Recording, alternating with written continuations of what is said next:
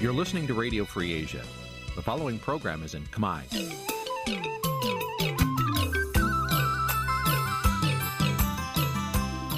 Nǐ chi càm bi tiệp xáy vệt chiu a zì sáy. នេះជាកម្មវិធីផ្សាយរបស់ Vithu Azisari ជាភាសាខ្មែរ វត្តឈូអាស៊ីសេរីសូមស្វាគមន៍លោកអ្នកនាងទាំងអស់ពីរដ្ឋធានី Washington នៃសហរដ្ឋអាមេរិក បាទពីរដ្ឋធានីវ៉ាស៊ីនតោនខ្ញុំបាទសេកបណ្ឌិតសូមជម្រាបសួរអស់លោកអ្នកកញ្ញាទាំងអស់ជាទីមេត្រីបាទយើងខ្ញុំសូមជូនកម្មវិធីផ្សាយសម្រាប់ប្រទេសថៃពុទ្ធ4កើតខែមករាឆ្នាំឆ្លូវត្រីស័កពុទ្ធសករាជ2565ត្រូវនៅថ្ងៃទី8ខែធ្នូគ្រិស្តសករាជ2021បាទជាដំបូងនេះសូមអញ្ជើញអស់លោកអ្នកនាងស្ដាប់ព័ត៌មានប្រចាំថ្ងៃដែលមានមេតិការដូចតទៅ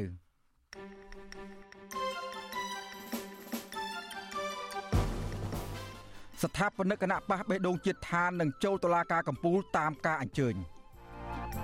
សាលាធរនឹងប្រកាសក្តីសំណុំរឿងព្រះសង្ឃលួនសវ៉ាតពីបទសែបសន្តិវៈនៅថ្ងៃទី23ខែធ្នូបទវិភាគលោកហ៊ុនសែនរិះគន់អាមេរិកគាំទ្រអសនៈខ្មែរក្រហមនៅអង្គការសហប្រជាជាតិតែមិនរិះគន់ចិនគឺជាចេតនាបំបិទបំបាំងប្រវត្តិសាស្ត្រ សហគមន៍ដីធ្លីរំលឹកពីភាពអយុត្តិធម៌នៅគ្រាតវ៉ារោគដំណោះស្រាយដីធ្លីតែត្រូវអាជ្ញាធរធ្វើបាបនិងចាប់ដាក់គុករួមនឹងព័ត៌មានផ្សេងផ្សេងមួយចំនួនទៀត។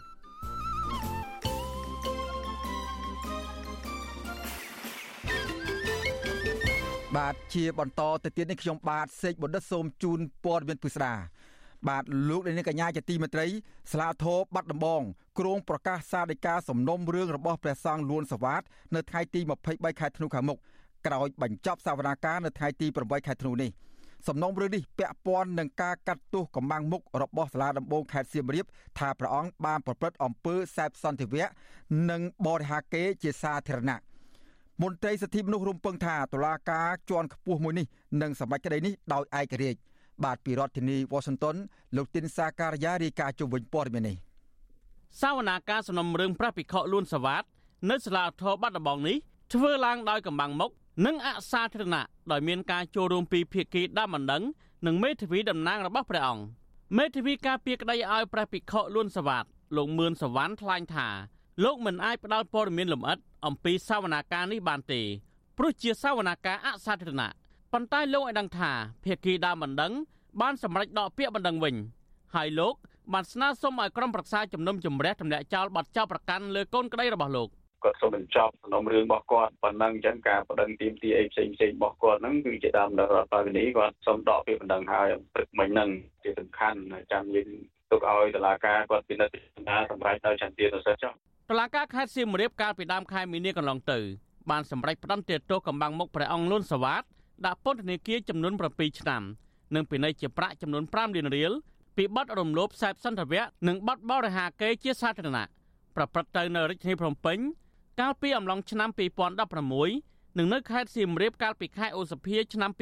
2020សាលក្រមដដាលបានបង្គាប់ឲ្យចាប់ឃុំព្រះកាយព្រះអង្គ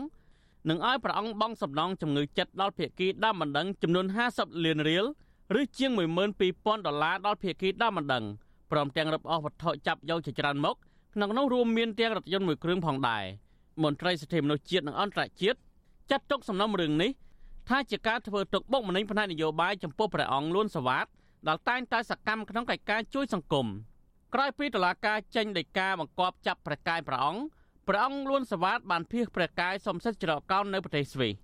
វិទ្យុអាស៊ីសេរីមិនអាចតតងភាគីដើមបណ្ដឹង ដើម្បីសួរអំពីមូលហេតុនៃការដកបណ្ដឹងវិញនេះបានទេនៅថ្ងៃទី8ធ្នូក្តីក្តាំប្រឆាំងនឹងប្រជាជនលួនសវ៉ាតនេះកើតមានឡើងបន្ទាប់ពីសារសន្ទនាស្នេហាមួយចំនួនត្រូវបានគេផ្សព្វផ្សាយលើបណ្ដាញសង្គម Facebook កាលពីអំឡុងខែមិថុនាឆ្នាំ2020អំឡុងពេលនោះប៉ូលីសបានចោះឆែកឆេរផ្ទះសាច់ញាតិរបស់ព្រះអង្គនិងសួរចម្លើយស្ត្រី4នាក់ជាបងប្អូន និងម្ដាយដែលត្រូវបានចាប់ប្រកាន់ក្នុងវីដេអូហើយកសាងសំណុំរឿងបញ្ជូនទៅតុលាការ ទោះជាយ៉ាងណាប្រហែលខែក្រោយមកកាសែត The New York Times ដ៏ល្បីរបស់សហរដ្ឋអាមេរិកបានចេញផ្សាយអត្ថបទស៊ើបអង្កេតមួយដោយបង្ហាញថាមន្ត្រីនៅអង្គភាពព័ត៌មាននិងប្រតិកម្មរហ័សនៃទីស្តីការគណៈរដ្ឋមន្ត្រីគឺជាអ្នកបង្កើតនិងបង្ហោះសារជាវីដេអូសម្លេងកាត់តទាំងនោះទៅលើបណ្ដាញសង្គមរីឯបដិជនលួនសវ៉ាត់វិញព្រះអង្គមានថ្នាក់ដីកាថានេះជាការចាប់ប្រកាន់ដោយអយុត្តិធម៌ពាក់ព័ន្ធនឹងរឿងនយោបាយនិងជាការបដិសេធរឿងដើម្បីធ្វើទុកបុកម្នេញលើព្រះអង្គ ដែលជាអ្នកធ្វើការផ្នែកសិទ្ធិមនុស្សវិទ្យុអាស៊ីសេរីបានព្យាយាមតាក់ទងព្រះភិក្ខុលួនសវ៉ាតដើម្បីសុំប្រតិកម្មពីព្រះអង្គជំវិញដំណើររឿងក្តីនៅសាលាឧទ្ធរបាត់ដំបងប៉ុន្តែមិនទទួលបានការឆ្លើយតបនោះទេគិតត្រឹមម៉ោងផ្សាយនេះចំណែកឯអគ្គលេខាធិការនិងជាអ្នកនាំពាក្យសាលាឧទ្ធរបាត់ដំបងអ្នកស្រីទៀងសម្បូរវិញអ្នកស្រីមានប្រសាសន៍ថាសេចក្តីសម្រេចយ៉ាងណានោះគឺជាឆន្ទានុសិទ្ធិរបស់ក្រុមប្រឹក្សាជំនុំជម្រះដែលនឹងប្រកាសសាលដីកានៅថ្ងៃទី23ធ្នូខាងមុខ នៅលើនោះគឺការពិភាក្សារបស់ក្រុមប្រឹក្សានិងការសម្រេចតាមគឺទេជាច្បាប់តាមមេត្រាច្បាប់ច្បាស់លាស់ខ្ញុំមិនអាចបញ្ជាក់ជូនបានទេជុំវិញនឹងរឿងនេះអ្នកសម្រាប់សម្រួលគម្រោងការពារសេរីភាពមូលដ្ឋាននៃមជ្ឈមណ្ឌលសិទ្ធិមនុស្សកម្ពុជា CCICA លោករស់សារ៉ាត់សង្កេតឃើញថាតឡាការហាក់មិនមានផុសតាំងរឹងមាំដើម្បីដាក់បន្ទុកលើព្រះអង្គលួនសវណ្ណនោះទេក្រៅពីសារសម្លេងដែលត្រូវបានគេផ្សព្វផ្សាយនៅលើបណ្ដាញសង្គម លោកស្នើដល់សាលាឧទ្ធរបាត់ដំបងពិនិត្យករណីនេះឲ្យបានម៉ត់ចត់និងផ្ដល់យុត្តិធម៌ដល់ព្រះអង្គវិញ។ ព្រះអង្គលួនសវ៉ាតខ្ញុំគិតថាក៏មិនខុសពីសកម្មជនសិទ្ធិមនុស្សផ្សេងផ្សេងទៀតដែរពួកគាត់នឹងធ្វើការដើម្បីសង្គមដើម្បីប្រយោជន៍ប្រទេសជាតិដើម្បីប្រយោជន៍រួមរបស់ខ្មែរទេតែបាយជាត្រូវទទួលបានការធ្វើទុកបុកម្នេញតាមប្រព័ន្ធតឡាការតាមអីហ្នឹងចឹងយើងខំថាតឡាការនឹងផ្ដល់យុត្តិធម៌សម្រាប់ព្រះអង្គលួនសវ៉ាតហើយក៏ដូចជាសកម្មជនផ្សេងផ្សេងទៀតដែលគាត់កំពុងតែមានករណីក្តីក្តាមនៅតឡាការអីហ្នឹង ប្រតិជនគុណលួនសវ៉ាតគឺជាសកម្មជនសង្ឃដ៏លេចធ្លោមួយអង្គនិងជាអ្នកការពារសិទ្ធិមនុស្សដែលត្រូវបានគេទទួលស្គាល់ជាអន្តរជាតិព្រះអង្គធ្លាប់ទទួលបានពានរង្វាន់ជាអ្នកការពារសិទ្ធិមនុស្សអន្តរជាតិពីប្រទេសស្វីសទោះជាណាអង្គការសិទ្ធិមនុស្សលីកាដូក៏សម្គាល់ក្នុងរបាយការណ៍ចេញផ្សាយកាលពីខែធ្នូថាព្រះអង្គលួនសវ៉ាតបានក្លាយជាគោលដៅនៃការគម្រិតកំហែងពីគណៈបកកណ្ដាលអំណាចអង្គការដដាលគូបញ្ជាក់ថាអ្វីដែលកំពុងតែកើតឡើងនេះគឺជាយុទ្ធនាការបំផិតបំភ័យ និងមូលបង្កាច់លើអ្នកការពារសិទ្ធិមនុស្សដោយមិនត្រឹមត្រូវអង្គការលីកាដូលើកឡើងទៀតថាយុទ្ធនាការមូលបង្កាច់នេះមានគោលបំណងធ្វើឲ្យខូចកិត្តិយសរបស់ព្រះអង្គលួនសវ៉ាតដែលជាអ្នកតែងតែទាមទារឲ្យអាជ្ញាធររដ្ឋាភិបាលទទួលខុសត្រូវចំពោះការរំលោភសិទ្ធិមនុស្សដែលអាជ្ញាធរបានប្រព្រឹត្តជាមួយគ្នានេះអង្គការលីកាដូសង្ស្ដាយជាខ្លាំងដែលអាជ្ញាធរកម្ពុជាបន្តបង្ក្រាបលើភាពសកម្មនិយមផ្នែកសិទ្ធិមនុស្សដោយមិនលើកលែងសំបីតែប្រសង់ ខ្ញុំទីនសាការីយ៉ាអស៊ីសេរីប្រធានីវ៉ាស៊ីនតោនបាទលោកនាងកញ្ញាជាទីមេត្រីលោកនាងកំពុងតាមដានស្ដាប់ការផ្សាយរបស់វិទ្យុអស៊ីសេរីពីរដ្ឋធានីវ៉ាស៊ីនតោនសហរដ្ឋអាមេរិកបាទពាក់ព័ន្ធនឹងសំណុំរឿងរបស់សកម្មជនគណៈបកប្រឆាំងវិញម្ដងបាទសមាជិកគណៈបកសង្គ្រោះជាតិម្នាក់គឺលោកទុំប៊ុនថនសុកចិត្តវិលត្រឡប់ពីប្រទេសថៃមកកម្ពុជាវិញបាទទោះបីជាដឹងថាត្រូវជាប់ពន្ធនាគារក៏ដោយបាទលោកបានសម្រេចចិត្តយ៉ាងដូចនេះគឺដោយ គឺដើម្បីបានរស់នៅជួបជុំក្រុមគ្រួសារនិងបដិញ្ញាទាមទារឲ្យមានការស្ដារលទ្ធិប្រជាធិបតេយ្យឡើងវិញបាទមិត្តភ័ក្តិនិងប្រពន្ធរបស់លោកទុំមនថនសោកស្ដាយចំពោះការចាប់ខ្លួនលោកកាលពីចុងខែកញ្ញាព្រោះលោកទុំមនថនមិនបានប្រព្រឹត្តបទល្មើសអ្វីឡើយបាទលោកដានៀននឹងបានស្ដាប់សេចក្តីរាយការណ៍ពិស្ដារអំពីរឿងនេះនៅពេលក្រោយទៀតបាទសូមអរគុណបាទពាក់ព័ន្ធនឹងស្ថានភាពជំងឺ Covid-19 វិញម្ដង បាទមេរោគ COVID-19 បំផ្លែងថ្មីឈ្មោះអូមីក្រុង ដែលពិភពលោកកំពុងតែព្រួយបារម្ភនោះឥឡូវនេះបានឆ្លងរាលដាលដល់50ប្រទេសហើយរួមទាំងប្រទេសជាច្រើននៅជិតខាងប្រទេសកម្ពុជាផងបាទនៅក្នុងពេលជាមួយគ្នានេះប្រទេសជាច្រើននៅតែរសារទុកបំរាមដែលហាមអ្នកធ្វើដំណើរពីប្រទេសចំនួន10នៃទ្វីបអាហ្វ្រិកដែលជាប្រភពនៃមេរោគនេះបាទអឺក៏ប៉ុន្តែប្រទេសកម្ពុជាបានដកបំរាមនេះក្រោយបានក្រោយដាក់បានមួយសប្តាហ៍ បាទសូមលោករនាងរងចាំស្ដាប់បទសម្ភាសស្ដាប់សេចក្តីរាយការណ៍ផ្ទាល់របស់អ្នករាយការណ៍ព័ត៌មានរបស់វិទ្យុអេសេរីគឺលោកមួងដារ៉េតដែលលោកនឹងអត្ថាធិប្បាយអំពីការវិវត្តចុងក្រោយនៃស្ថានភាពមេរោគបំផ្លែងថ្មីអូមីក្រុងនេះនៅក្នុងការផ្សាយរបស់យើងនាពេលបន្តិចទៀតបាទសូមអរគុណបាទងាកមកបញ្ហាចំនួនដីធ្លីវិញម្ដង បាទតំណាងសហគមន៍ដីធ្លីរំលឹកឡើងវិញពីភាពអយុត្តិធម៌និងឈឺចាប់នៅគ្រាដែលពួកគាត់បាននាំគ្នាតវ៉ាទាមទាររកដំណោះស្រាយវិបត្តិដីធ្លីតែត្រូវអាជ្ញាធរបានវាយធ្វើបាបពួកគាត់និងចាប់ពួកគាត់ដាក់ពន្ធនាគារបាទប្រជាសហគមន៍ទាំងនោះនៅតែរំពឹងថាការតស៊ូរបស់ពួកគាត់នឹងទទួលបានដំណោះស្រាយប្រកបដោយយុត្តិធម៌និងតម្លាភាពនៅថ្ងៃណាមួយជាមិនខាន បាទពីរដ្ឋធានី Washington អ្នកស្រីម៉ៅសុធីនីរាយការណ៍ជុំវិញព័ត៌មាននេះ ប្រជាសហគមន៍ដីធ្លីរនខេត្តកោះកុងត្បូងឃ្មុំនិងខេត្តកណ្ដាលប្រកាសចំហថានឹងស៊ូស្លាប់បន្តទៀមទារកដំណោះស្រាយដីធ្លី ពីអាជ្ញាធររដ្ឋាភិបាលបើទោះបីរងការគំរាមកំហែងការរដ្ឋបិទអំពើហិង្សានិងការចាប់ដាក់គុកតាមប្រព័ន្ធតុលាការពីសំណាក់អាជ្ញាធរពាក់ព័ន្ធនិងអ្នកមានអំណាចយ៉ាងណាក្តី ពួកគេលើកឡើងនេះក្នុងកម្មវិធីសន្និសីទសហគមន៍ថ្នាក់ជាតិ ក្រោមប្រធានបទការចូលរួមរបស់សាធារណជន និងប្រព័ន្ធផ្សព្វផ្សាយអំពីបញ្ហាដីធ្លី និងស្ថានភាពសហគមន៍កសិករដីធ្លី ដែលប្រពធ្វើឡើងតាមបណ្ដាញសង្គមវីដេអូ Zoom ហើយមានអ្នកចូលរួមប្រមាណ1000នាក់ធ្វើឡើងនៅព្រឹកថ្ងៃទី8ខែធ្នូចាស់ក្រុមអង្គការសង្គមស៊ីវិលដែលចូលរួមកម្មវិធីនេះ រួមមានសមាគមសម្ព័ន្ធសហគមន៍កសិករកម្ពុជាមជ្ឈមណ្ឌលសិទ្ធិមនុស្សកម្ពុជា បណ្ដាញយុវជនកម្ពុជា និងសហគមន៍ដីធ្លីតាមបណ្ដាខេត្តនានាជាដើមតំណាងសហគមន៍ដីធ្លីរួនខេត្តត្បូងឃ្មុំម្នាក់ដែលត្រូវអាជ្ញាធរដឹងទៅតុលាការចាប់ដាក់គុក2ឆ្នាំដោយសារតែការតវ៉ាទាមទារដំណោះស្រាយដីធ្លីគឺលោកសែមសាងដែលទៅតែបានចេញពីពន្ធនាគារបានជាង1ខែនោះ ថ្លែងនៅក្នុងកម្មវិធីថាកន្លងមកក្រមប្រជាប្រដ្ឋរាប់រយនាក់បានងើបតវ៉ាទាមទារដំណោះស្រាយដីធ្លីទៅអាជ្ញាធរមូលដ្ឋាននៅខេត្តត្បូងឃ្មុំ រហូតដល់ថ្នាក់ជាតិជិត10ឆ្នាំមកហើយប៉ុន្តែគ្មានអាជ្ញាធរណាដោះស្រាយនោះឡើយលោកបន្តថាជារឿយៗអាជ្ញាធរតែងតែគម្រាមកំហែងវាធ្វើបាប និងចាប់ខ្លួនបរិវត្តស្លូតត្រង់ជាច្រើនអ្នកដាក់គុកទៀតផង លោកសោកស្ដាយក្នុងពេលដែលលោកកំពុងជាប់ពន្ធនាគារកាលពីខែសីហាកន្លងទៅ សមត្ថកិច្ចចម្រុះយោធានិងប្រជាការពារភូមិរាប់រយនាក់បានដើរគម្រាមពលរដ្ឋនិងវាធ្វើបាបប្រជាសហគមន៍មិនអោយតវ៉ាការពារដីសហគមន៍ស្រែប្រាំងជាង1000ហិកតា ហើយដែលក្រុមហ៊ុនចិនឈ្មោះ Hami Niven Investment រំលោភយកទាំងស្រុងគឺសោកស្ដាយជាងគេគឺបាត់បង់ដីដែលធ្លាប់ អាស្រ័យផលពីដូនពីតាមកនេះគឺខ្ញុំសោកស្ដាយមែនទែនដោយសារឥឡូវនេះប្រជាពលរដ្ឋដែលគាត់មានកូនមកគ្រួសារ2នាក់3នាក់ដែលត្រូវរៀនថ្នាក់7ថ្នាក់8អីជាដើមអញ្ចឹងពេលហ្នឹងគឺកូនគាត់គ្រូសាគាត់បាត់បង់ទាំងអស់ព្រោះឥឡូវនេះចំណាក់ស្រុកទៅធ្វើការសំណង់តាមភ្នំពេញថ្មីជាដើមតាមប្រវត្តិជាដើមនៅព្រំដែនថៃជាដើមទៅចំការជែកនៅខាងកចេះខាងស្រុកឈ្នួលជាដើម រីឯតំណាងសហគមន៍ដីធ្លីខេត្តកោះកុងលោកស្រីផាងយើង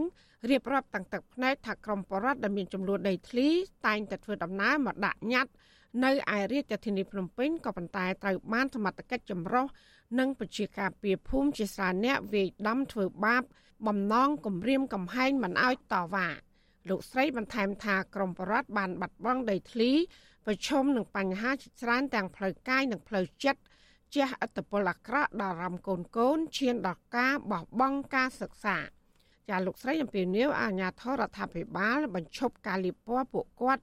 ទៅជារឿងនយោបាយនៅគ្រាដែលពួកគាត់តវ៉ាទាមទាររកយុត្តិធម៌វិវាទដីធ្លី ប៉ុន្តែនៅពេលដែលពួកខ្ញុំតវ៉ាគេវាយដំច្រាំថាឡើងចឹងវិកលចរិតទេខ្ញុំមិននិយាយមែនទែនទៅឥឡូវនេះគឺមានការពេចខ្លាំងហើយហាក់បីដូចជាឃើញបលិសពេអមរៀងជួបបញ្ហាភ័យពិតធ្វើឲ្យចង់បាក់ស្មារតីប៉ុន្តែទៅវិញយ៉ាងណាក៏ដោយចំហរបស់នាងខ្ញុំនៅតែបន្តទៀមទាដើម្បីផ្ដល់យុត្តិធម៌ឲ្យសហគមន៍ឲ្យប្រជាពលរដ្ឋពួកខ្ញុំដែលជាអ្នករងគ្រោះបាត់បង់ដីធ្លីនឹងចាតំណាងសហគមន៍175គ្រួសាររូបនេះក៏ត្រូវបានតឡាការខេត្តកោះកុងចោតប្រកាន់ក្នុងសំណុំរឿងប្រមត្តនក្រោមបទចោតញុះញង់ និងបរិហាកេជាសាធារណៈនៅគ្រាដែលលោកស្រីងើបតាវ៉ាទាមទាររោគយុត្តិធម៌លោកស្រីផាងយើងបង្ហាញពីភាពអយុត្តិធម៌ចាក់ស្រេះមិនត្រឹមតែគ្មានដំណោះស្រាយដីធ្លីពីសំណាក់អាជ្ញាធររដ្ឋាភិបាលនោះទេ រហូតមកដល់ពេលនេះមានបរិវត្តរងគ្រោះដីធ្លីជាច្រើនអ្នកកំពុងជាប់បណ្ដឹងនៅតុលាការចាជំវិញរឿងនេះអ្នកសម្របសម្រួលគម្រោងមជ្ឈមណ្ឌលសិទ្ធិមនុស្សកម្ពុជា លោកវ៉ាន់សុផាតលើកឡើងក្នុងកម្មវិធីថាអាញាធររដ្ឋាភិបាលហាក់គ្មានឆន្ទៈច្បាស់លាស់ដោះស្រាយចំនួនដីធ្លីជូនពលរដ្ឋរងគ្រោះឲ្យបានជ្រះស្រឡះនោះទេប៉ុន្តែផ្ទុយទៅវិញបែរជាអាញាធរយកប្រព័ន្ធតឡាការចោតប្រកាន់ពលរដ្ឋពីបទញុះញង់ពីបទផ្ដាល់ព័ត៌មានមិនពិតពីបទបរហាកេនិងបទបំផ្លិចបំផ្លាញទ្រព្យសម្បត្តិអ្នកដទៃជាដើម លោកថាប្រការនេះហើយបានឆ្លុះបញ្ចាំងថាអាញាធរយកប្រព័ន្ធតឡាការដាក់សម្ពាធសហគមន៍ដីធ្លីនិងបំបិតសេរីភាពនានាមិនអោយបរដ្ឋតាវ៉ាទៀមទារកដំណោះស្រាយ សួរថាគាត់បាត់បង់ដីគាត់បាត់បង់មុខរបររបស់គាត់គាត់បាត់បង់ចំណូលរបស់គាត់រាល់ថ្ងៃគាត់ពឹងផ្អែកទៅលើប៉ុណ្ណឹងហើយតើបើមិនគាត់ឲ្យគាត់នឹងទៅធ្វើការដើម្បីទាមទាររកដំណោះស្រាយធ្វើថាគាត់ធ្វើអីអញ្ចឹងឲ្យគាត់ធ្វើម៉េចប្រជាពលរដ្ឋខ្មែរឥឡូវនេះគ្រាន់តែចំណាក់ស្រុកចិត្ត2លានអ្នកណាអញ្ចឹងតើយើងត្រូវធ្វើម៉េចតើរុញច្រានប្រជាពលរដ្ឋខ្មែរឲ្យលែងនៅក្នុងស្រុកហើយដើម្បីឲ្យធ្វើការជាកម្មករជាអ្នកស៊ីឈ្នួលគេ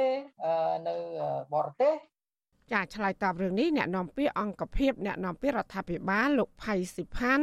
មានប្រសាសន៍ថារដ្ឋាភិបាលស្វាគមន៍ជានិច្ចចំពោះមន្ត្រីសង្គមស៊ីវិលនិងប្រជាសហគមន៍ចូលរួមសហការកុំឲ្យតែជាគោលការណ៍ជាប់តាក់ទិននឹងរឿងនយោបាយលោកថាក្រុមអង្គការសង្គមស៊ីវិលនិងប្រជាប្រដ្ឋអាចចូលរួមប្រឆាំងទប់ស្កាត់ការរំលោភដីធ្លីនិងដោះស្រាយវិវាទដីធ្លីជាមួយនឹងរដ្ឋាភិបាលតាមរយៈប្រព័ន្ធបណ្ដាញសង្គម Facebook ជាដើម យើងសូមឲ្យគាត់សំណុំប្រព័ន្ធហ្នឹងគេអាចអនុវត្តបានកុំឲ្យមានជាគោលការណ៍នយោបាយជាគោលការណ៍លើកសំណុំពរក្នុងការចូលរួមប្រឆាំងទប់ស្កាត់នៃការរំលោភនឹងឯងក្រុមអង្គការសង្គមស៊ីវិលទាំងនេះបានរៀបចំកម្មវិធីនេះរយៈពេល2ថ្ងៃជាប់ជាប់គ្នាគឺនៅថ្ងៃទី7ដល់ថ្ងៃទី8ខែធ្នូដោយផ្ដោតសំខាន់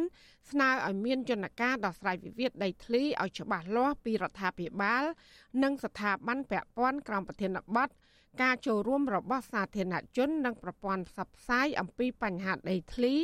និងស្ថានភាពសហគមន៍កសិករដីធ្លីហើយនិងសិទ្ធិកសិករជាដើមលើពីនេះទៀតកម្មវិធីនេះបានអាក់ខានរយៈពេល2ឆ្នាំមកហើយគឺគិតចាប់ពីឆ្នាំ2019និងឆ្នាំ2020ដោយសារតែជំងឺ Covid-19 ប៉ុន្តែពួកគេថាក្រុងនឹងរៀបចំសន្និសិទនេះនៅឆ្នាំក្រោយៗទៀតជារៀងរាល់ឆ្នាំ។ ចានាងខ្ញុំម៉ៃសុធានីវិទ្យុអាស៊ីសេរីប្រធានាធិបតី Washington បាទលោកនាងកញ្ញាជាទីមេត្រីពាក់ព័ន្ធនឹងចំនួនដីធ្លីនេះដែរនៅខេត្តកោះកុងឯនោះវិញបាទប្រជាពលរដ្ឋមានចំនួនដីធ្លីជាច្រើនអ្នកបាននាំគ្នាមកប្រមូលផ្ដុំគ្នាជួបជុំនៅខាងមុខតុលាការខេត្តកោះកុងដើម្បីឃ្លាំមើលតុលាការសាកសួរតំណាងរបស់ពួកគាត់គឺអ្នកស្រីផៅយើងនៅព្រឹកថ្ងៃទី8ខែធ្នូនេះ បាទកងកម្លាំងសមត្ថកិច្ចជាច្រើនបានមកឃ្លាំមើលប្រជាពលរដ្ឋដែលជួបជុំគ្នានៅខាងមុខតុលាការនោះហើយតែថែមទាំងបានដាក់បរាការពារមិនឲ្យប្រជាពលរដ្ឋបានជួបជុំគ្នាដោយសេរីនិងមានការជួបជុំគ្នាដោយច្រើននៅខាងមុខតុលាការនោះផងទេបាទក្រោយពីការសាកសួរមួយរយៈពេលកន្លងមកនោះបាទតុលាការក៏បានអនុញ្ញាតឲ្យអ្នកស្រីផៅញើងដែលជាតំណាងរបស់ប្រជាពលរដ្ឋដែលមានចំនួនដីធ្លីនៅខេត្តកោះកុងនេះបានត្រឡប់មកផ្ទះវិញជាបណ្ដោះអាសន្នសិនបាទយើងខ្ញុំនឹងព្យាយាមតាក់ទងទៅអ្នកស្រីផៅយើងដើម្បីសូមសម្ភាសគាត់ផ្ទាល់អំពីរឿងនេះបានដើម្បីបានព័ត៌មានពិស្ដារបន្ថែមទៀតជុំវិញការសាកសួររបស់គាត់នៅតុលាការខេត្តកោះកុងកាលពីព្រឹកមិញនោះបាទសូមលោកនាងរងចាំស្ដាប់កិច្ចសភានេះកុំបីខានបាទសូមអរគុណ បាទឥឡូវនេះពាក់ព័ន្ធនឹងស្ថានភាពចុងក្រោយនៃវិបត្តិនយោបាយនៅក្នុងប្រទេសកម្ពុជាវិញម្ដងបាទអ្នកវិភាគនយោបាយហាងថាសាររបស់លោកសខេងអនុប្រធានគណៈបកកណ្ដាលអំណាចបង្ហាញច្បាស់អំពីការមិនគាំទ្រលោកហ៊ុនម៉ាណែតជាពេកភាពនាយករដ្ឋមន្ត្រីនោះឡើយបាទពីរដ្ឋធានីវ៉ាស៊ីនតោនលោកទីនសាការីយ៉ារាយការណ៍ជុំវិញព័ត៌មាននេះលោកសកខេងបានចេញសារជាលើកដំបូងហាក់មិនចាប់អារម្មណ៍ឬគាំទ្រលោកហ៊ុនម៉ាណែតជាបេក្ខជននាយករដ្ឋមន្ត្រីអាណត្តិក្រោយឡើយ ទោះបីជាលោកនាយករដ្ឋមន្ត្រីហ៊ុនសែនប្រកាសបេក្ខភាពនាយករដ្ឋមន្ត្រីមានច្រើនរូបរួមទាំងកូនប្រុសរបស់លោកសខេងផងក៏ដោយចោះលោកសខេងបានសរសេរនៅក្នុងលិខិតចុះថ្ងៃទី7ធ្នូថាលោកនៅតែគោរពនិងគាំទ្រសេចក្តីសម្រេចរបស់មហាសន្និបាតនិងសន្និបាតរបស់គណៈបកប្រជាជនកម្ពុជាក្នុងការជ្រើសតាំងលោកហ៊ុនសែនជាប្រធានគណៈបកប្រជាជនកម្ពុជាជានាយករដ្ឋមន្ត្រីសម្រាប់អាណត្តិនេះនិងអាណត្តិបន្តបន្ទាប់ទៀតលោកសខេងសរសេរបន្ថែមថាចំពោះការជ្រើសរើសបេក្ខភាពនាយករដ្ឋមន្ត្រីនៅពេលអនាគត លោកក៏នឹងគោរពតាមការសម្រេចរបស់គណៈបកប្រជាជនកម្ពុជាដែលលោកហ៊ុនសែនជាប្រធានលិខិតរបស់លោកសខេងនេះខុសពីមន្ត្រីហែហោមរបស់លោកហ៊ុនសែនដែលចេញញត្តិគាំទ្រលោកហ៊ុនម៉ាណែតជាបេក្ខភាពនាយករដ្ឋមន្ត្រីជាបន្តបន្ទាប់ក្រោយពីលោកហ៊ុនសែនបានប្រកាសជាសាធារណៈកាលពីសប្តាហ៍មុនលោកសខេងមិនបានលើកឈ្មោះលោកហ៊ុនម៉ាណែតឬគាំទ្រលោកហ៊ុនម៉ាណែតជាបេក្ខភាពនាយករដ្ឋមន្ត្រី សម្រាប់អាណត្តិក្រោយដោយសាររបស់មន្ត្រីជាន់ខ្ពស់គណៈបកកណ្ដាលអំណាចផ្សេងទៀតឡើយតើតើនឹងបញ្ហានេះនិវិភាននយោបាយនៅប្រទេសខ្លួននៅក្រៅប្រទេសលោកកឹមសុខមានប្រសាសន៍ថា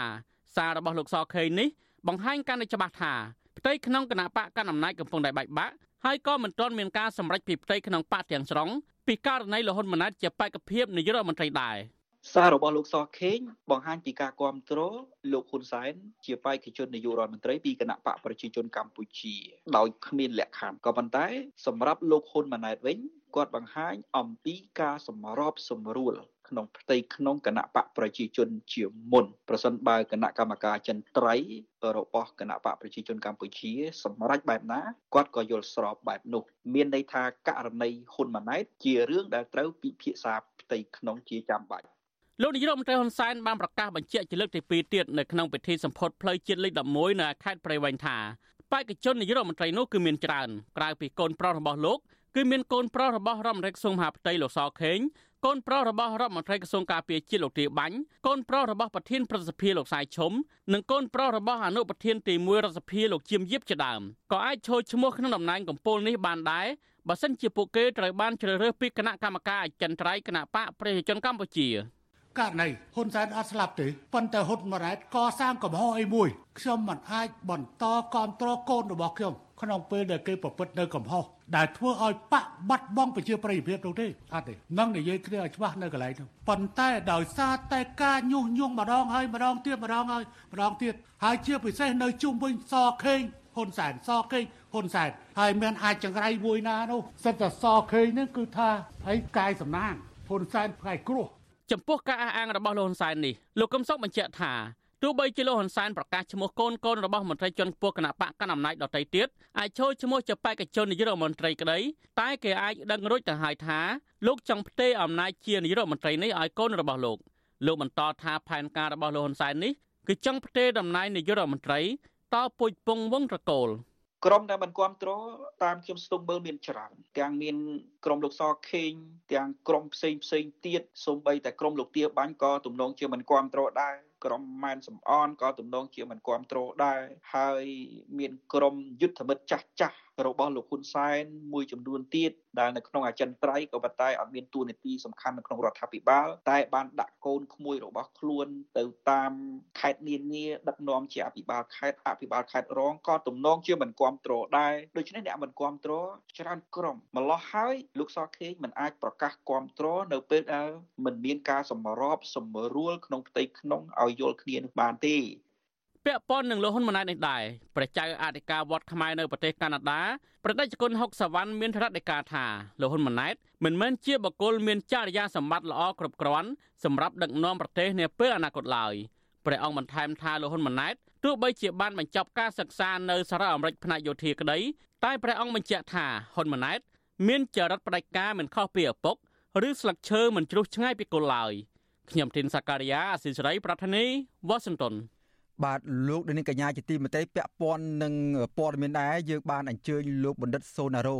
លោកបណ្ឌិតសូណារ៉ូគឺជាអ្នកតាមដានស្ថានភាពអ្នកវិភាគនយោបាយនិងជាជាអតីតទីប្រឹក្សារបស់លោកនាយករដ្ឋមន្ត្រីផងថាតើសាររបស់លោកសខេងដែលជាឧបនាយករដ្ឋមន្ត្រីរដ្ឋមន្ត្រីក្រសួងមហាផ្ទៃនិងជាអនុប្រធានគណៈបកប្រជាជនកម្ពុជាផងនោះតើមានការខុសប្លែកគ្នាយ៉ាងម៉េចបានមានការចាប់អារម្មណ៍លើសាររបស់គាត់យ៉ាងដូចនេះបាទខ្ញុំបាទសូមជម្រាបសួរលោកបណ្ឌិតសូណារ៉ូពីចម្ងាយទៀត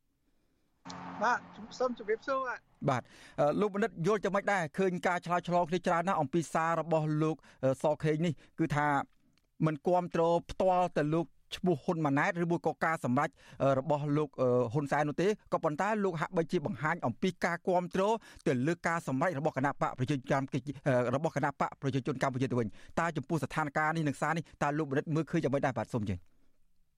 បាទអរគុណសូម ជាបឋមសូមជម្រាបសួរប្រិមិត្តវិទ្យុអាស៊ីសេរីទាំងអស់បាទហើយថ្ងៃនេះអត់មានកាសដែរអញ្ចឹងសំឡេងវាដោយផ្ទាល់អញ្ចឹងប្រហែលជាលឺមិនច្បាស់ខ្ញុំប៉ុន្តែខ្ញុំលឺច្បាស់បាទអរគុណលឺច្បាស់អូអញ្ចឹងអរបាទអឺយើងដឹងហើយលោកសខេងគឺជាមន្ត្រីដែល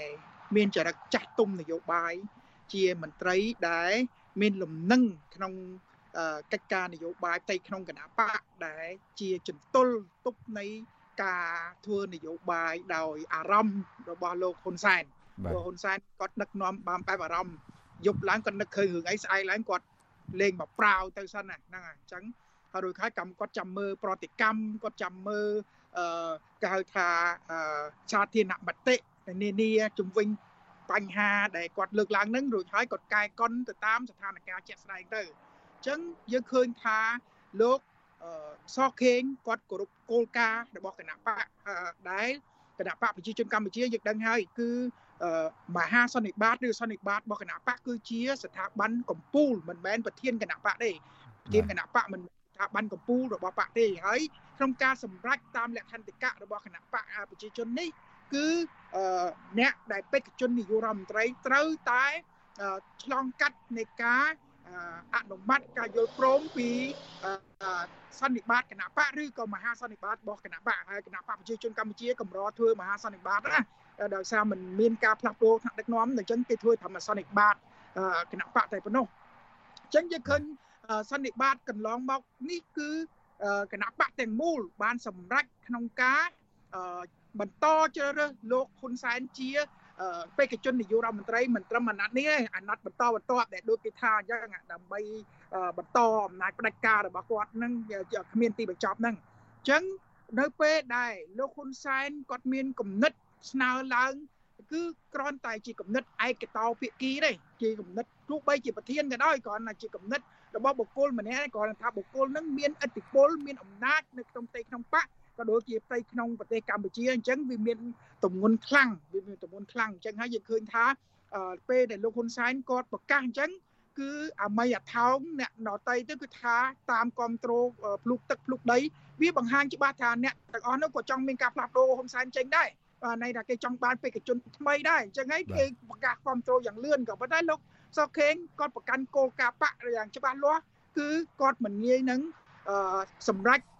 រំលងទៅលើគោលការណ៍បកទេហើយគោលការណ៍បកដែលបានសម្រេចដែលឲ្យលោកហ៊ុនសែនបន្តជាបេក្ខជនហ្នឹងអញ្ចឹងគួរតែសរសើរថាលោកសកខេងហ្នឹងគាត់ជាមនុស្សមានគោលការណ៍បកជាងអ្នកដតីអ្នកដតីគ្រាន់តែធ្វើនយោបាយតាមរបៀបផលប្រយោជន៍រត់តាមផលប្រយោជន៍រត់តាមគេហៅថាមុខតំណែងរត់តាមមុខមាត់នានាដើម្បីគ្រប់គ្រងគ្រាន់តែដើម្បី យកចិត្តយកថ្លើមដើម្បីកែងលោថ្ងៃក្រោយទៅបានផលប្រយោជន៍បានលៀបសក្ការៈជាដើមអញ្ចឹងយើងឃើញថានេះគឺជាចំណុចមួយដែលដែលយើងឃើញថាពេលក្នុងគណៈបកប្រជាជនកម្ពុជាក៏មានមនុស្សគោរពលក្ខន្តិកៈគោរពគោលការណ៍បកអីឲ្យបានច្បាស់លាស់ដែរហើយខ្ញុំឃើញថាភាពចាស់ទុំនយោបាយរបស់លោកសខេងនេះអាចជាលំនឹងទប់មិនឲ្យគណៈបកប្រជាជនកម្ពុជាជាពិសេសថ្នាក់ដឹកនាំដែលលោកហ៊ុនសែននឹងធ្វើអំពើណាដែលវាដើរ តាមអារម្មណ៍ខុសពីគោលការណ៍គណៈបកបាទបាទអរគុណលោកបណ្ឌិតក៏ប៉ុន្តែមានការលើកឡើងមួយជ្រុងទៀតគេមើលឃើញថាអញ្ចេះគឺថាលោកបណ្ឌិតបានលើកឲ្យថាលោកសខេងគាត់និយម ជាមនុស្សចាស់ទុំម្នាក់ការគិតអីមានការ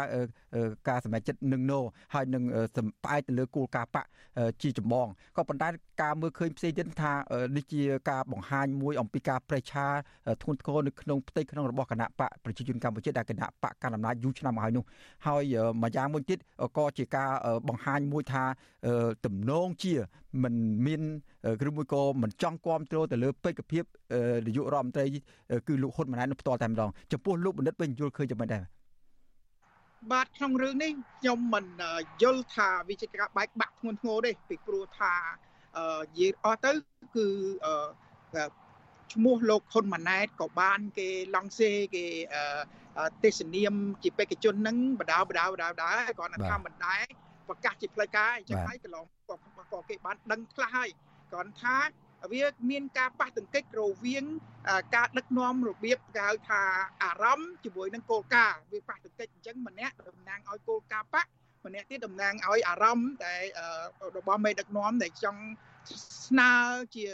សេចក្តីផ្ដើមគំនិតនានាយ៉ាងលឿនយ៉ាងរហ័សហើយសេចក្តីផ្ដើមគំនិតធម្មតាគាត់ត្រូវធ្វើនៅផ្ទៃក្នុងគណៈបកមុនប៉ុន្តែអានេះគាត់លេង កណ្ដាលវាលេងកណ្ដាលសាធារណៈតែម្ដងដើម្បីគាត់ស្រូបទាញនៃការគ្រប់គ្រងហើយរួចហើយគាត់និយាយថាបេក្ខជនហ្នឹងមាន3 4 5នាក់3 4 5នាក់ក៏ប៉ុន្តែម្នាក់គាត់បង្ហាញចេញមុខមកថាគាត់គ្រប់គ្រងភ្លុកទឹកពេញទំហឹងហើយគាត់ទៅស៊ើបសួរស៊ើបអង្កេតទៅឃើញថាមានប្រជាពលរដ្ឋគ្រប់គ្រងឯណា7ក្រុមដែលគាត់បញ្ជូនទៅគ្រប់គ្រងពេញទឹកពេញដីអញ្ចឹងចំអញ្ចឹងគាត់ ធ្វើឲ្យបេក្ខជនដទៃទៀតវាគ្មានតម្លៃអ្វីទេដាក់បេក្ខជនមកជួនកាលអ្នកខ្លះមិនទាំងហ៊ានឈោបេក្ខជនដើម្បីប្រកួតប្រជែងផងពីព្រោះថាឈោមិនបើវាខុសនឹងឆន្ទៈរបស់ហ៊ុនសែនហើយហើយយើងដឹងហើយឆន្ទៈហ៊ុនសែនឆន្ទៈគឺសម្បើមមកមិនត្រឹមតែលើសលុបនៅពេលក្នុងគណៈបកឯងគឺថា លើសលុបនៅក្នុងសង្គមជាតិទេឃើញហើយយើងគាត់ស្នើ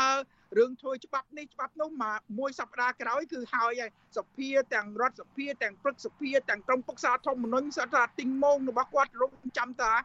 អនុម័តទៅតាមគាត់អញ្ចឹងហើយយើងឃើញថាបើសិនជាដឹកនាំតាមរបៀបទម្លាប់នៃការធ្វើអារម្មណ៍តាមទម្លាប់អំណាចអញ្ញាសឹកតាមរបៀបអញ្ញារបស់មេដឹកនាំអញ្ចឹងដោយរំលងគោលការណ៍ជាក់ស្ដែងអញ្ចឹងវា វាមិនធ្វើឲ្យសង្គមមានស្ថិរភាពទេអញ្ចឹងហើយក៏លោកសំអកថខេងដែលគាត់គោរពនីគោលការណ៍នេះគាត់អាចទាញនៅអ្វីដែលពីការហៅថាអត្តនោម័តមកជាការសច្ចានុម័តនៃគោលការណ៍គណៈបកអាហ្នឹងក៏ក៏ជាការល្អម្យ៉ាងម្យ៉ាងទៀតស្ដីក្នុងគណៈបកក៏អត់ទាន់បានសម្រេចជាផ្លូវការដែលថាលើកលោកហ៊ុនម៉ាណែតដែរដូច្នេះលោកសខេងគាត់អត់អាចប្រកាសថាគាត់គ្រប់គ្រង បុគ្គលនឹងទេជាសាធារណៈទេគាត់អញ្ចឹងយើងឃើញហើយគាត់ចេញមកគាត់គាត់និយាយថាគាត់នឹងគ្រប់គ្រងបេក្ខជនណាដែលបានគណៈបកនឹងលើកឡើងលើកឡើងដោយជាផ្លូវការហើយដែលគណៈបកដែលដឹកនាំដោយលោកហ៊ុនសែនហ្នឹងអញ្ចឹងគាត់ចង់មិនចង់គាត់ក៏បញ្ជាក់ថាគណៈបកហ្នឹងដឹកនាំដោយហ៊ុនសែនហើយបើហ៊ុនសែនលំអៀងទៅកូនគាត់ហើយវាពិបាកបេក្ខជនណាដតីទៀតប្រៀបធៀបម្យ៉ាងទៀតយើងក៏ឃើញគុណភាពនៃការ បេក្ខជនដែរនិយាយអស់ទៅគណៈបកប្រជាជនវាទៅជាគណៈបកបន្តសន្តតិវងហើយបែរជាបេក្ខជនសិតកូនសោកខេងសូនហ៊ុនសែនកូនសាយឈុំកូនអញ្ចឹងវាជាគណៈបកដូច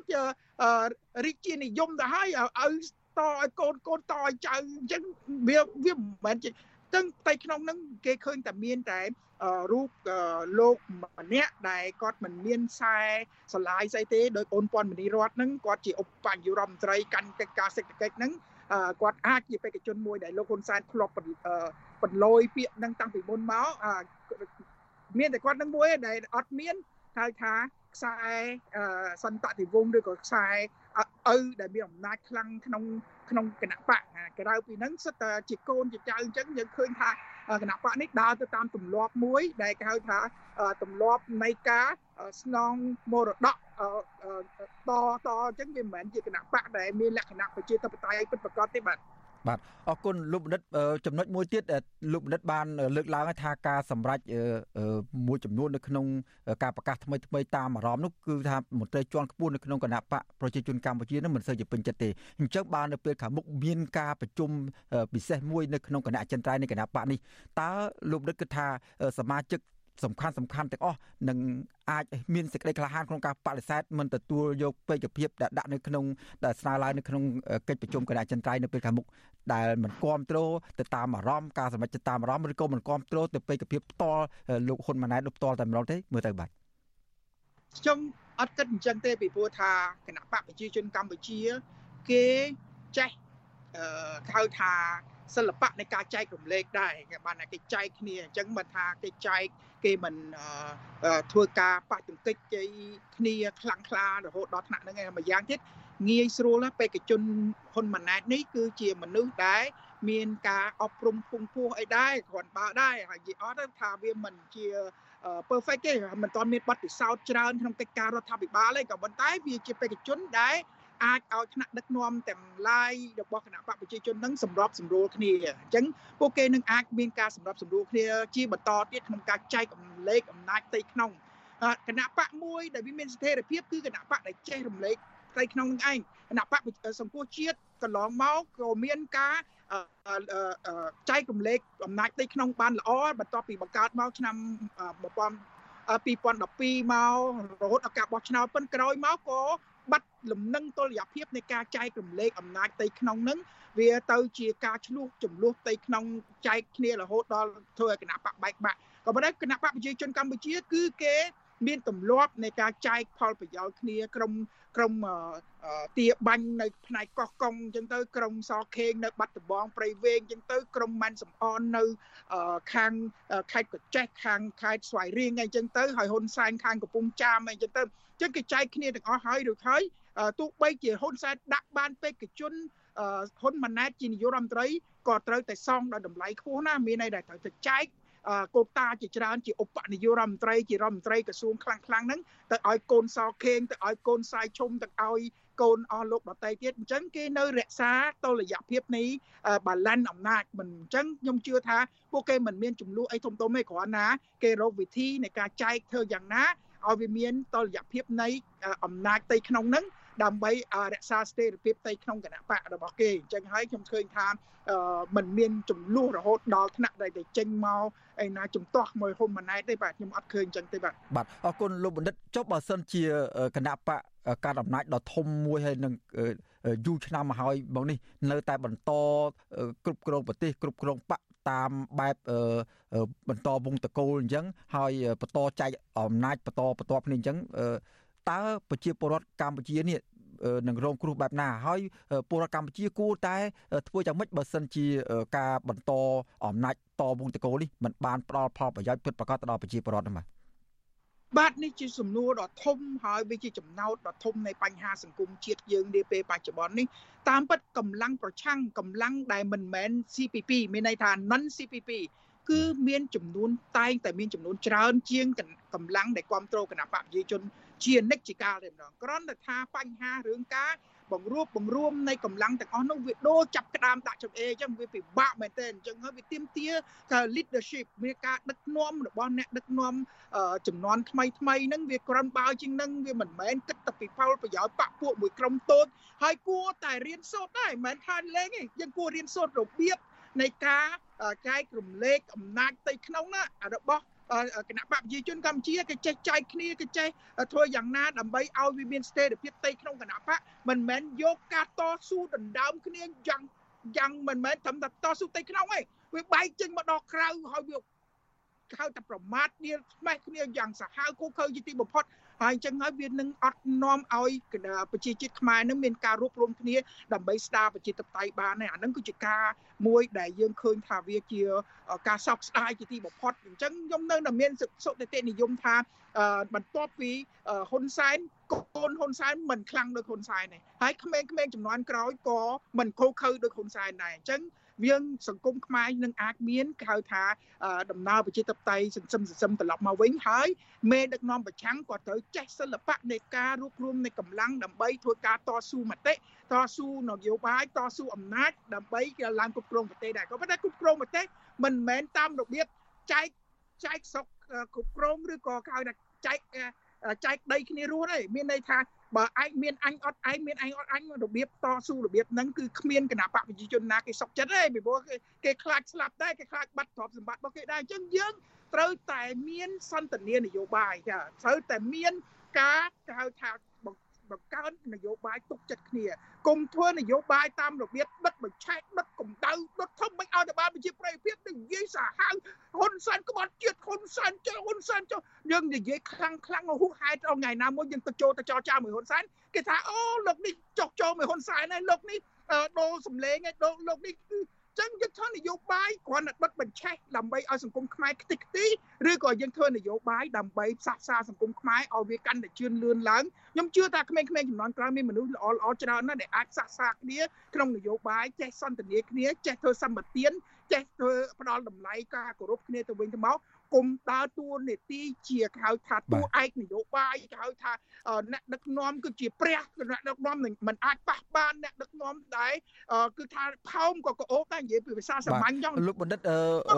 ខ្មែរវាវាទៅជាសង្គមផ្ដាច់ការដោយអត់ដឹងខ្លួនផ្ដាច់ការទាំងខាងបពប្រឆាំងប្រកាសទាំងកម្មបកកាន់អំណាចទាំងអស់បាទលោកបណ្ឌិតបណ្ឌិតដោះស្រាយយ៉ាងម៉េចបើសិនជាមេដឹកនាំសិតតែមាននិយមតាមលំដាប់ផ្ដាច់ការអញ្ចឹងបាទ បាទលោកបណ្ឌិតបើលោកមានប្រសាសន៍ពាក់ព័ន្ធនឹងគណៈបព្វឆាន់ថាមិនសូវជាចេះសាមគ្គីគ្នាហើយក្នុងការធ្វើនយោបាយនិងការតស៊ូមតិក្នុងផ្ទៃក្នុងជាដើមក៏ប៉ុន្តែធ្វើឲ្យមានការបែកបាក់ជាដើមចុងក៏ប៉ុន្តែលោកបណ្ឌិតគិតថាអាការបែកបាក់នេះមកពីគណៈបព្វជិជនកម្ពុជានឹងកន្លងមកហ្នឹងប្រើអំណាចជ្រុលហួសហេតុគៀបសង្កត់ហើយនឹងរោគ វិធីសាស្ត្រគ្រប់វិធីសាស្ត្រទាំងអស់ក្នុងការបំបែកបបាក់ឬមួយក៏ដាក់សម្ពាធឲ្យគណៈបកប្រឆាំងដើរ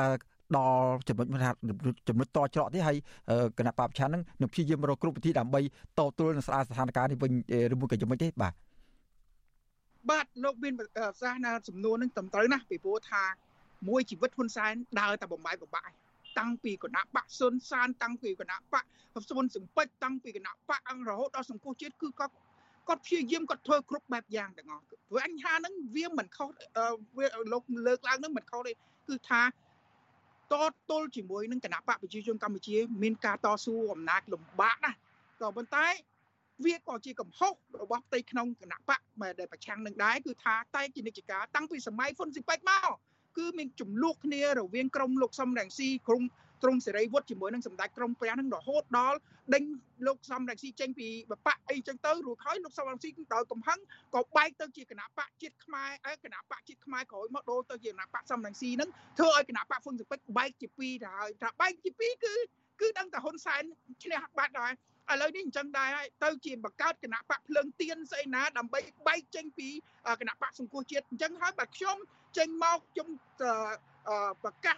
រិះគន់រឿងហ្នឹង បែរជាថាខ្ញុំនឹងចូលរួមបំបែកគណៈបកអត់ទេខ្ញុំថាអ្នកឯងបែកចេញហើយអ្នកឯងកុំស្វាស៊ីបាយហើយលៀបមាត់ប្រពេបើសិនជាអ្នកឯងមិនចង់បែកណែទៅនិយាយឲ្យច្បាស់ថាគណៈបកហ្នឹងមិនមែនជាគណៈបកតំណាងឲ្យក្រុមពួកខ្ញុំទេគណៈបកយកថ្កោលទោសពួកដែលបែកចឹងអញ្ចឹងបានយើងអាចរួបរวมបានហើយការរួបរวมហ្នឹងវាទៀមទាវាការលំបាកហើយគឺគណៈបកប្រជាជនជានិច្ចការលូកដៃបំបាយក៏ប៉ុន្តែបើសិនជា តីក្នុងគណៈបកអរគុណលោកបណ្ឌិតដោយសារតែពេលវេលាយើងបានដល់ទីបញ្ចប់ទៅហើយក៏ប៉ុន្តែមុននឹងបញ្ចប់ខ្ញុំសូមងាកទៅគណៈបកប្រជាជនកម្ពុជាវិញបើសិនជាគណៈបកប្រជាជនកម្ពុជា នៅតែបន្តកាន់គ្រប់គ្រងកាន់អំណាចបានយូរអង្វែងតទៅទៀតនោះតើគណៈបកផ្សេងផ្សេងទៀតមានឱកាសនឹងប្រកួតប្រជែងទេហើយប្រជាពលរដ្ឋនឹងទទួលបានសិទ្ធិពិតប្រាកដទោះបីជានៅក្នុងចំនួនក្រោយកូនលោកហ៊ុនសែនឬមួយក៏កូនពីណាទៀតមន្ត្រីជាន់ខ្ពស់ណាទៀតនៅក្នុងតកូលនៅក្នុងខ្សែគណៈបកប្រជាជនកម្ពុជាក៏ដោយចុះបាទសូមលើកខ្លីបាទខ្ញុំមិនជឿថាគណៈបកប្រជាជនកម្ពុជាអាចកាន់អំណាចយូរអង្វែងរហូតទៅពីព្រោះថាសំបីនៅម៉ាឡេស៊ីដែលគណៈបកអ៊ុំណូដែលកាន់ចុង50ឆ្នាំហើយចុងក្រោយគង់តែមានពេលណាមួយគណៈបកហ្នឹងក៏ទៅចុះពីតំណែងចុះពីតែអញ្ចឹងហើយជាពិសេសគឺការផ្ទេរចរន្តពីហ៊ុនសែនដែលគាត់ប្រើអំណាចផ្ដាច់ការខូខើគាត់ប្រើអំណាចឆៅឆៅពេក តែដល់ចំនួនកូនកូនគាត់ខ្ញុំជឿថាពួកគេមិនមានมันមានគេហៅថាអំណាចប្រមូលផ្ដុំពេញលេញដើម្បីធ្វើកិច្ចការទាំងអស់ហ្នឹងដូចករណីឪពុកគេលើកលែងតែគេហ៊ានចាប់ចងគេហ៊ានកាប់សម្បត្តិអីសាហាវជាងហ៊ុនសែនបានអាចគ្រប់គ្រងប្រទេសបានតាមសម្រួលដូចគឹមចំអ៊ុនអញ្ចឹងគឹមចំអ៊ុនឡើងដោយអត់មានអំណាចដូចឪដូចអញ្ចឹងត្រូវតែប្រើភាពខូខើ បាទសម្រាប់បាទសូមអរគុណលោកបណ្ឌិតដោយសារតែពេលវេលាបានមានកម្រិតខ្ញុំបាទសូមជម្រាបលាលោកបណ្ឌិតតែប៉ុណ្្នេះសិនហើយសង្ឃឹមថាបានជួបគ្នាលើពេលក្រោយទៀតបាទអរគុណសូមជម្រាបលាបាទអរគុណ បាទលោកនាងកញ្ញាជាទីមេត្រីពាក់ព័ន្ធនឹងសំណុំរឿងចំនួនដីធ្លីដែលខេត្តកោះកុងឯនោះវិញបាទសាលាដំបងខេត្តកោះកុងបានសម្រេចបន្តសវនាការកាត់ក្តីសំណុំរឿងសកម្មជនដីធ្លី2នាក់គឺលោកស្រីផៅញើង និងលោកស្រីសេងលីននៅថ្ងៃទី11ខែមករាឆ្នាំ2022ខាងមុខបន្តទៀតក្រោយពីបើកសវនាការអស់រយៈពេល3ម៉ោងនៅថ្ងៃទី8ខែធ្នូនេះ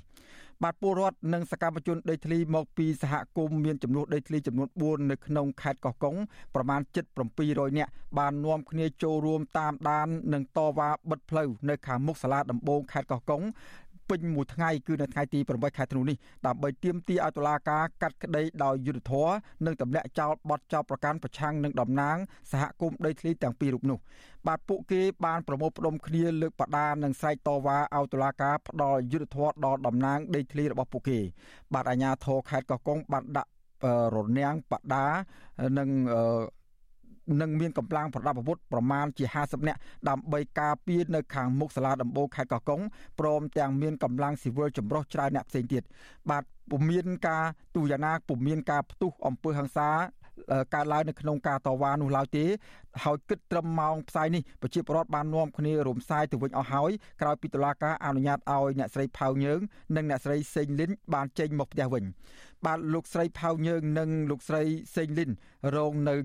រងការចាប់ប្រកាន់ថាបានញុះញង់ឲ្យប្រព្រឹត្តអំពើបង្កឲ្យមានភាពវឹកវរដល់សន្តិសុខសង្គមនិងបរិហាគេជាសាធារណៈប្រព្រឹត្តទៅនៅមុខក្រសួងដែនដីនៅក្នុងរាជធានីភ្នំពេញកាលពីថ្ងៃទី25ខែវិច្ឆិកាឆ្នាំ2019ហើយត្រូវបានតុលាការក៏ហៅឲ្យចូលបំភ្លឺនៅក្នុងសវនកម្មនៅថ្ងៃទី8ខែធ្នូនេះបាទលោកស្រីផៅញើង និងលោកស្រីសេងលីនត្រូវបានគេស្គាល់ថាជាសកម្មជនដីធ្លីដ៏លេចធ្លោពីរនាក់នៅក្នុងខេត្តកោះកុងដែលហ៊ានចេញមុខតវ៉ាទាមទាររកដំណោះស្រាយពីក្រុមហ៊ុនស្កអំពៅរបស់លោកអង្ញាលីយ៉ុងផាត់ជាសមាជិកព្រឹទ្ធសភារបស់គណៈបកប្រជាជនកម្ពុជា និងក្រុមហ៊ុនរបស់អង្ញាហេងហ៊ុយដែលមានប្រើ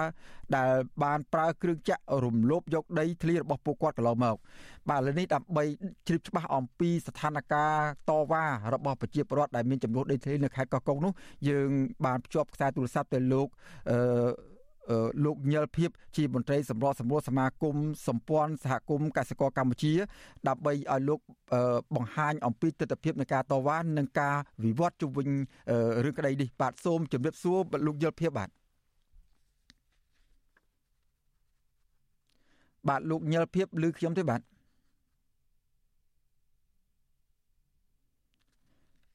បាទខាងបច្ចេកទេសកំពុងជាអឡូអឡូលោកញិលភៀបឬខ្ញុំទេបាទ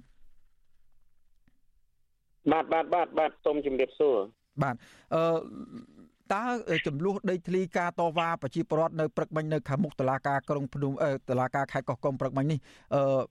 សេចក្តីរាយការណ៍មកអំបញ្ញមិញនេះថាมันមានការប៉ះទង្គិចគ្នាទេក៏ប៉ុន្តែការវិវត្តចុងក្រោយនៃសាច់រឿងនេះតើវាយ៉ាងម៉េចដែរលោកអាចជម្រាបជូនបានខ្លះៗទេបាទ បាទនៅព្រឹកមិញនេះនៅថ្ងៃរសៀលចាប់ពីរសៀលម៉ោង2និង30នាទីអ្នកស្រីផៅញើងនិងអ្នកស្រីសេងលីនគឺជាតំណាងសង្គមក្រុម175ដែលស្ថិតនៅស្រុកស្រែអំបិលខេត្តកោះកុងបានចូលខ្លួនមកនៅក្នុងសាវនាការជំរុំជំនុំជម្រះ នៃសាលាដំបងខេត្តកោះកុងហើយក្នុងនោះដែរមានប្រជាពលរដ្ឋមកពីចំនួន6សហគមន៍នៅក្នុងស្រុកស្រែអំបិលស្រុកបទុមសកលស្រុកថ្មបាំងបានចូលរួមមកគ្រប់គ្រងក៏ដូចជាទៀមទាឲ្យតឡាការទម្លាក់ចោលនៅការចោតប្រកាន់គ្រប់បទចោតមកលើសកម្មជនដីធ្លីទាំងពីរនាក់គឺអ្នកស្រីផៅញើងនិងអ្នកស្រីស្តេងលីន ហើយនៅមុខអឺអឺសាលាដំបងខេត្តកោះកុងមានដាក់រនាំងដែកហើយមានកងកម្លាំងប្រមាណជា50នាក់និងមានកងកម្លាំងដែលមិនស្លៀកពាក់ឯកសន្តានហ្នឹងប្រមាណប្រហែលជា50នាក់ដែរហ្នឹងហើយហើយប្រជាពលរដ្ឋបានឈរនៅពីមុខសាលាដំបងខេត្តកោះកុងនិង ចាំមើលសាវនាការជំរុំជម្រះហើយរហូតដល់ម៉ោង7:05អឺដែលដល់ម៉ោងបញ្ចប់ដែលដល់ម៉ោងជាទូទៅម៉ោង5គឺជាម៉ោងដែលឈប់សម្រាប់ការងារគឺប្រជាពលរដ្ឋក៏បានស្រែកសន្ធប់ទៅតឡាការហ្នឹងសូមឲ្យតឡាការអឺអឺមេត្តាបើកសាវនាការជំនុំជម្រះហ្នឹងដោយ មើលម៉ោងមើលពេលវេលានៃការធ្វើការរបស់ទាំងស្ថាប័នរដ្ឋទាំងស្ថាប័នស៊ីវិលផងដែរបាទអឺលោកញ៉លភាពអឺប្រជាពលរដ្ឋដែលមកជួបជុំនៅខាងមុខតុលាការខេត្តកោះកុងនេះសរុបទៅមើលទៅប្រហែលជាមួយដុំ700ជាងអីអ្នកជាដើមតើពួកគាត់សុទ្ធតែជាមានសុទ្ធតែជាអ្នករងគ្រោះដោយដីធ្លីទាំងអស់ហើយមកពីប្រហែលជាប្រមាណសហគមន៍នៅក្នុងខេត្តកោះកុងដែរបាទ ប្រជាពលរដ្ឋដែលគាត់អញ្ជើញមកគ្រប់គ្រងក៏ដូចជាទីមទីឲ្យមានការទម្លាក់ការចោតប្រកាន់មកលើតំណាងរបស់ខ្លួនគឺជាអ្នកស្រីផៅយើងនិងអ្នកស្រីសេងលេនឹងមកអំពី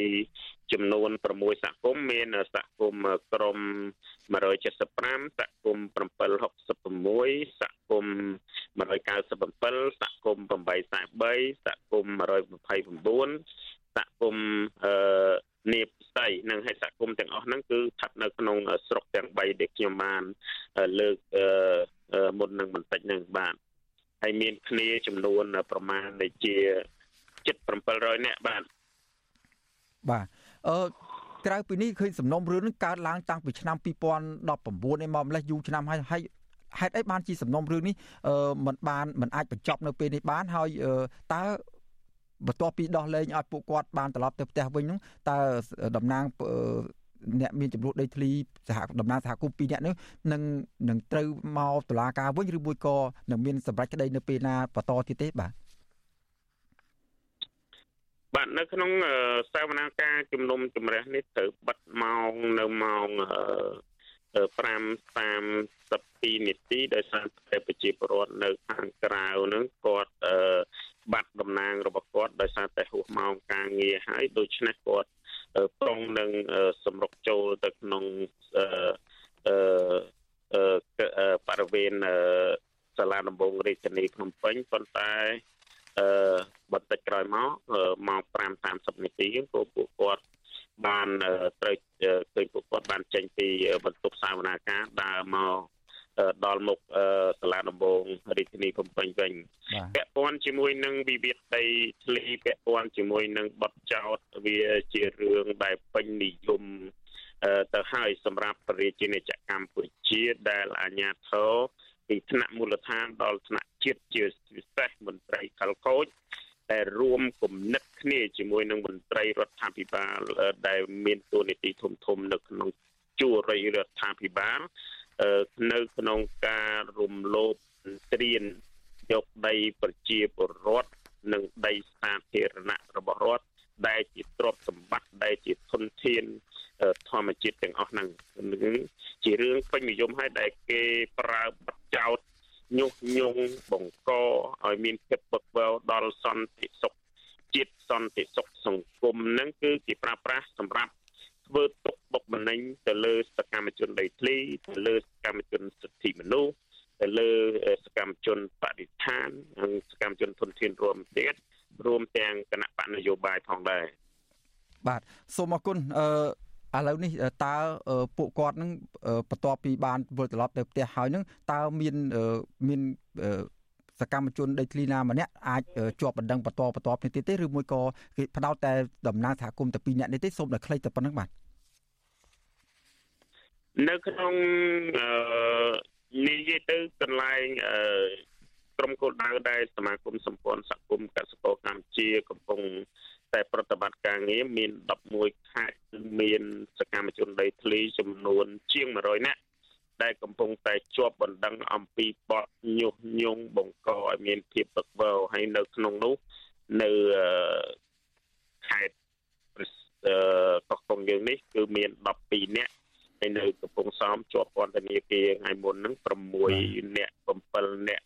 ជាងហើយនឹងនៅបត់ចោតច្រើនទៀតក្នុងគ្រប់ខេត្តគោលដៅគឺនៅមានច្រើនមែនទែនគ្រប់គ្រប់នេះទាំងអស់ហ្នឹងហើយបាទ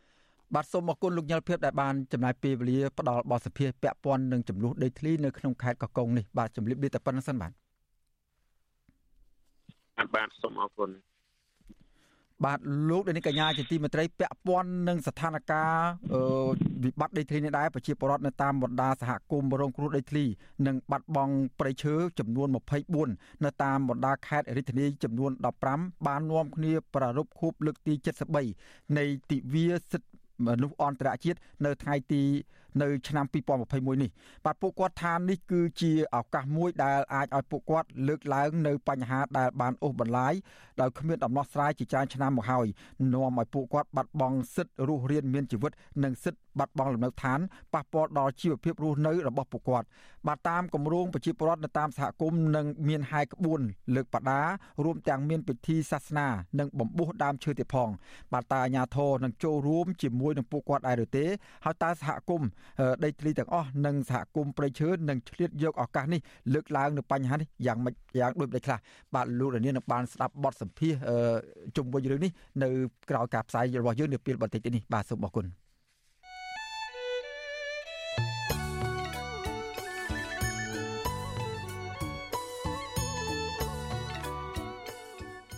បាទលោកនាងកញ្ញាជាទីមេត្រីឥឡូវនេះយើងងាកមកបញ្ហាស្ថានភាពជំងឺ Covid-19 វិញម្ដង បាទមេរោគ Covid-19 បំផ្លាញថ្មីអូមីក្រុង ដែលពិភពលោកកំពុងតែព្រួយបារម្ភនោះឥឡូវនេះបានឆ្លងរាលដាលដល់50ប្រទេសរួមទាំងប្រទេសជាច្រើននៅលើរួមទាំងប្រទេសជាច្រើននៅជុំវិញនិងជិតខាងប្រទេសកម្ពុជាផង បាទនៅពេលជាមួយគ្នានេះប្រទេសជាច្រើននៅតែរក្សាទុកបំរាមដែលហាមអ្នកធ្វើដំណើរពីប្រទេសចំនួន10នៃទ្វីបអាហ្វ្រិកដែលជាប្រភពនៃជំងឺនេះ បាទក៏ប៉ុន្តែប្រទេសកម្ពុជាបានដកបំរាមនេះក្រោយដាក់បានមួយសប្តាហ៍បាទឥឡូវនេះយើងមានលោកមួងដារ៉េតអ្នករាយការណ៍ព័ត៌មានរបស់វិទ្យុអេស៊ីស្រីដែលលោកនឹងឡើងមកជម្រាបជូនលោកដានៀងអំពីស្ថានភាពវិវត្តចុងក្រោយនៃជំងឺ Covid-19 នេះបាទសូមជម្រាបសួរលោកណារ៉េតបាទ បាទសូមជម្រាបសួរលោកសេចក្ដីហើយសូមជម្រាបសួរលោកនាងទាំងអស់កំពុងតាមដានស្ដាប់និងទស្សនាការផ្សាយរបស់វិទ្យុអស៊ីសេរីជាទីមេត្រីបាទបាទអឺលោកដារ៉េតឥឡូវនេះគឺកំពុងតែផ្ដោតអារម្មណ៍ខ្លាំងទៅដល់មេរោគបំផ្លាញថ្មីអូមីក្រុងក៏ប៉ុន្តែមុនដល់លោកដារ៉េតរាយការណ៍អំពីអូមីក្រុងនេះខ្ញុំចង់ឲ្យលោកដារ៉េតរៀបរាប់ដោយសង្ខេបត្រួសត្រាសអំពីស្ថានភាពវិវត្តចុងក្រោយពាក់ព័ន្ធនឹងស្ថានភាពជំងឺ Covid-19 នេះបាទសូមជម្រាប បាទអរគុណលោកសេចបណ្ឌិតនៅប្រទេសកម្ពុជាយើងដឹងហើយស្ថានភាពជំងឺ Covid-19 នេះក្រសួងសុខាភិបាលបានផ្សាយតួលេខទៀបរហូតមកហើយតាំងតែពីខែវិច្ឆិកាខែកញ្ញាមកម្លេះដូច្នេះនៅថ្ងៃនេះយើងឃើញតួលេខនេះក៏ចុះទៀបរហូតអ្នកឆ្លងអីមានតែ14នាក់ឯងអ្នកស្លាប់នៅសល់តែត្រឹម4នាក់ឯងប៉ុន្តែអ្វីដែលគួរឲ្យកត់សម្គាល់នោះគឺអ្នកដែលស្លាប់ដោយអ្នកនោះបានចាក់វ៉ាក់សាំងគ្រប់ដូសរួចទៅហើយនោះក៏ឃើញថានៅតែខ្ពស់គឺ50%ថ្ងៃនេះ4នាក់មាន2នាក់ដែលចាក់វ៉ាក់សាំងរួចពីអ្នកមិនទាន់ចាក់វ៉ាក់សាំងរួចអីចឹងដូច្នេះយើងឃើញតួលេខនេះនៅខ្ពស់ហើយស្ថានភាពនៅតំបន់ក្បែរក្បែរយើងនឹងក៏កំពុងតែកាត់ឡើងច្រើនគួរឲ្យកត់សម្គាល់នៅពេលដែលកម្ពុជារាយការណ៍ទៀតប្រទេសវៀតណាមឯណោះមួយថ្ងៃមានជាង13000នាក់ហើយថៃម៉ាឡេអីនោះក៏មិនតិចជាង4000នាក់នៅក្នុងមួយថ្ងៃដែរបាទបាទអឺលោកណារ៉េតចុះអំពីការពាក់ព័ន្ធនឹងសន្ទុះការចាក់វ៉ាក់សាំងដុសជំរុញវិញតើវាប្រព្រឹត្តទៅយ៉ាងដូចម្តេចដែររហូតមកទល់នឹងពេលនេះ រហូតមកទល់នៅកម្ពុជាដូសជំរុញនេះហាក់បីដូចជាប្រព្រឹត្តទៅរៀងយឺតជាងការចាក់ដៃដូសទី1ទី2ព្រោះយើងឃើញចាក់ដូសទី1ទី2បានមកដល់ពេលនេះ1លាន3 1លាន5សែននេះហើយប៉ុន្តែដូសជំរុញទើបតែបាន2លាន5សែនទេបើយើងគិតទៅដូសជំរុញនេះគឺចាក់បានប្រហែលមិនដល់20%នៃចំនួនប្រជាពលរដ្ឋដែលត្រូវតែចាក់វ៉ាក់សាំងនៅឡើយទេបាទបាទចុះអាការពីអាដូសជំរុញនេះនឹងការចាក់វ៉ាក់សាំង ទី1ទី2នឹងហើយបូកនឹងថែមអាដូសជំរុញតើវាមានប្រសិទ្ធភាពក្នុងការទប់ទល់ជាមួយនឹងមេរោគបំផ្លាញថ្មីអូមីក្រុងនេះយ៉ាងណាដែរទេលោកណារ៉េតបាទអរគុណបាទតាមពិតទៅអឺអូមីក្រុងគឺជាមេរោគបំផ្លាញថ្មីកំថាហើយវ៉ាក់សាំងចិនសំបីតែវ៉ាក់សាំងល្បីល្បីនៅអាមេរិកដូចជា Moderna Pfizer អីម្ចាស់ក្រុមហ៊ុនគេក៏បាននិយាយថាមិនអាចទប់ទល់នឹងអូមីក្រុងបានទេក៏ ក៏ប៉ុន្តែវ៉ាក់សាំងរបស់គេនេះក៏គេកំពុងតែវិវត្តរកវ៉ាក់សាំងថ្មីមួយដែលគេនឹងចេញនៅក្នុងរយៈពេលប្រហែលជាមួយខែកន្លះ Moderna ថាប្រហែលជាមួយខែកន្លះអឺ Pfizer អីហ្នឹងម្ដុំប្រហែលជាដើមឆ្នាំអីនឹងមានវ៉ាក់សាំងប្រភេទថ្មីដែលអាចទប់ទល់នឹងអូមីក្រុងនេះបានបាទបាទអរគុណតើបើសិនជា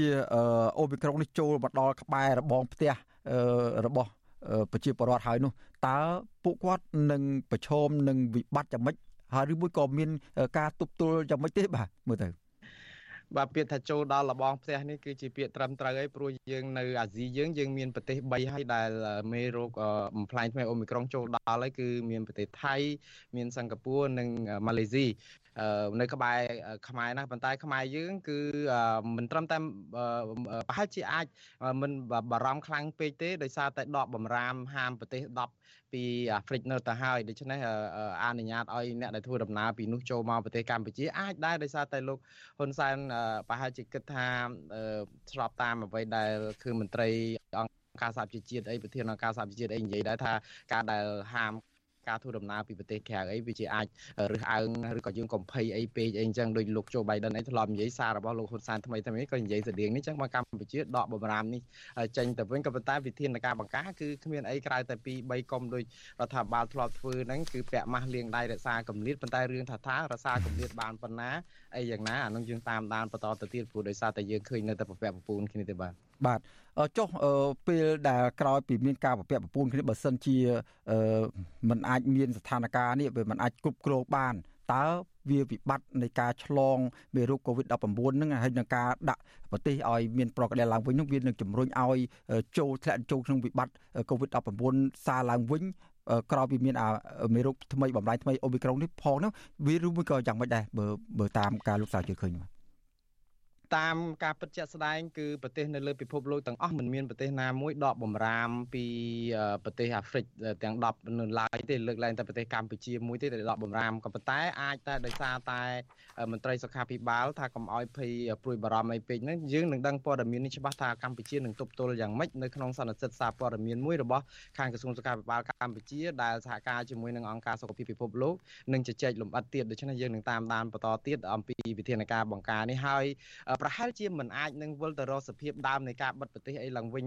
ទេព្រោះយើងដឹងហើយនៅពិភពលោកយើងមានជំងឺនេះឆ្លងដល់ប្រទេស50ទៅហើយហើយរដ្ឋនៅអាមេរិកនេះឆ្លងដល់19ប៉ុន្តែភាពប្រក្រតីដូចជានៅមានធម្មតាដោយសារតែមានវ៉ាក់សាំងបកែបកែពីមុនមកខ្លះដែរបាទ